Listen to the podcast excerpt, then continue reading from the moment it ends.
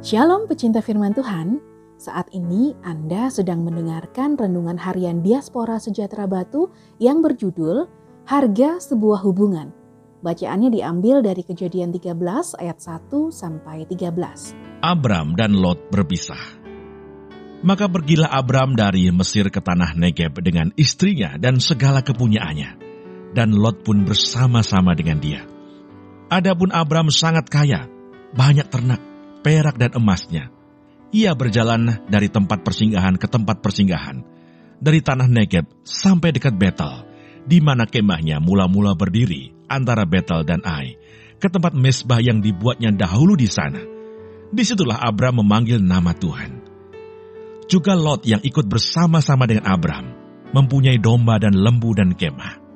Tetapi negeri itu tidak cukup luas bagi mereka untuk diam bersama-sama sebab harta milik mereka amat banyak, sehingga mereka tidak dapat diam bersama-sama.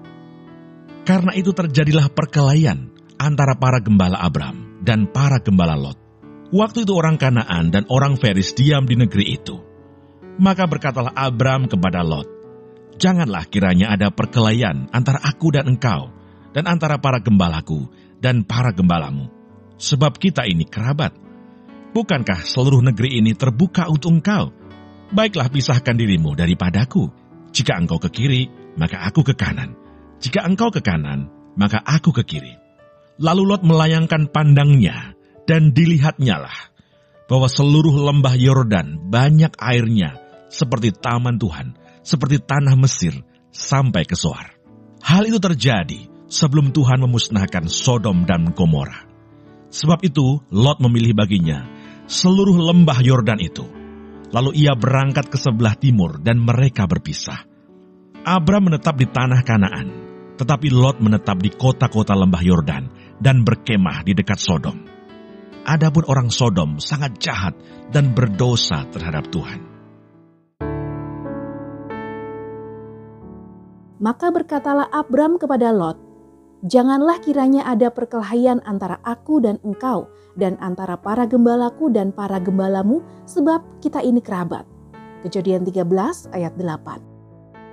Sebagai makhluk sosial, kehidupan manusia tidak bisa lepas dari orang lain, saling memiliki ketergantungan, dan membutuhkan relasi atau hubungan. Semakin banyak hubungan yang ia miliki, bisa membuka peluang bagi dirinya untuk mendapatkan banyak pekerjaan. Untuk mempertahankan hidupnya, manusia harus bekerja, sehingga tidak mudah bagi seseorang untuk melepaskan lahannya yang subur atau sumber mata pencahariannya. Misalnya, jabatannya yang tinggi, pekerjaannya yang menghasilkan banyak uang, lalu diberikan pada orang lain, begitu saja. Namun melalui bacaan saat ini, kita bisa belajar dari Abram yang berani memberikan lahannya yang subur kepada Lot, keponakannya. Abram melakukannya tidak hanya sekedar mengalah kepada keponakannya, tetapi ingin menjaga hubungannya dengan Lot supaya tetap baik. Harga sebuah hubungan bagi Abram sangat mahal, sebab dengan memilih tanah yang kurang subur berarti tidak ada jaminan yang pasti bagi Abram untuk mengembangkan peternakannya. Perlu diketahui, kekayaan seseorang pada saat itu dihitung dari jumlah ternak yang dimilikinya.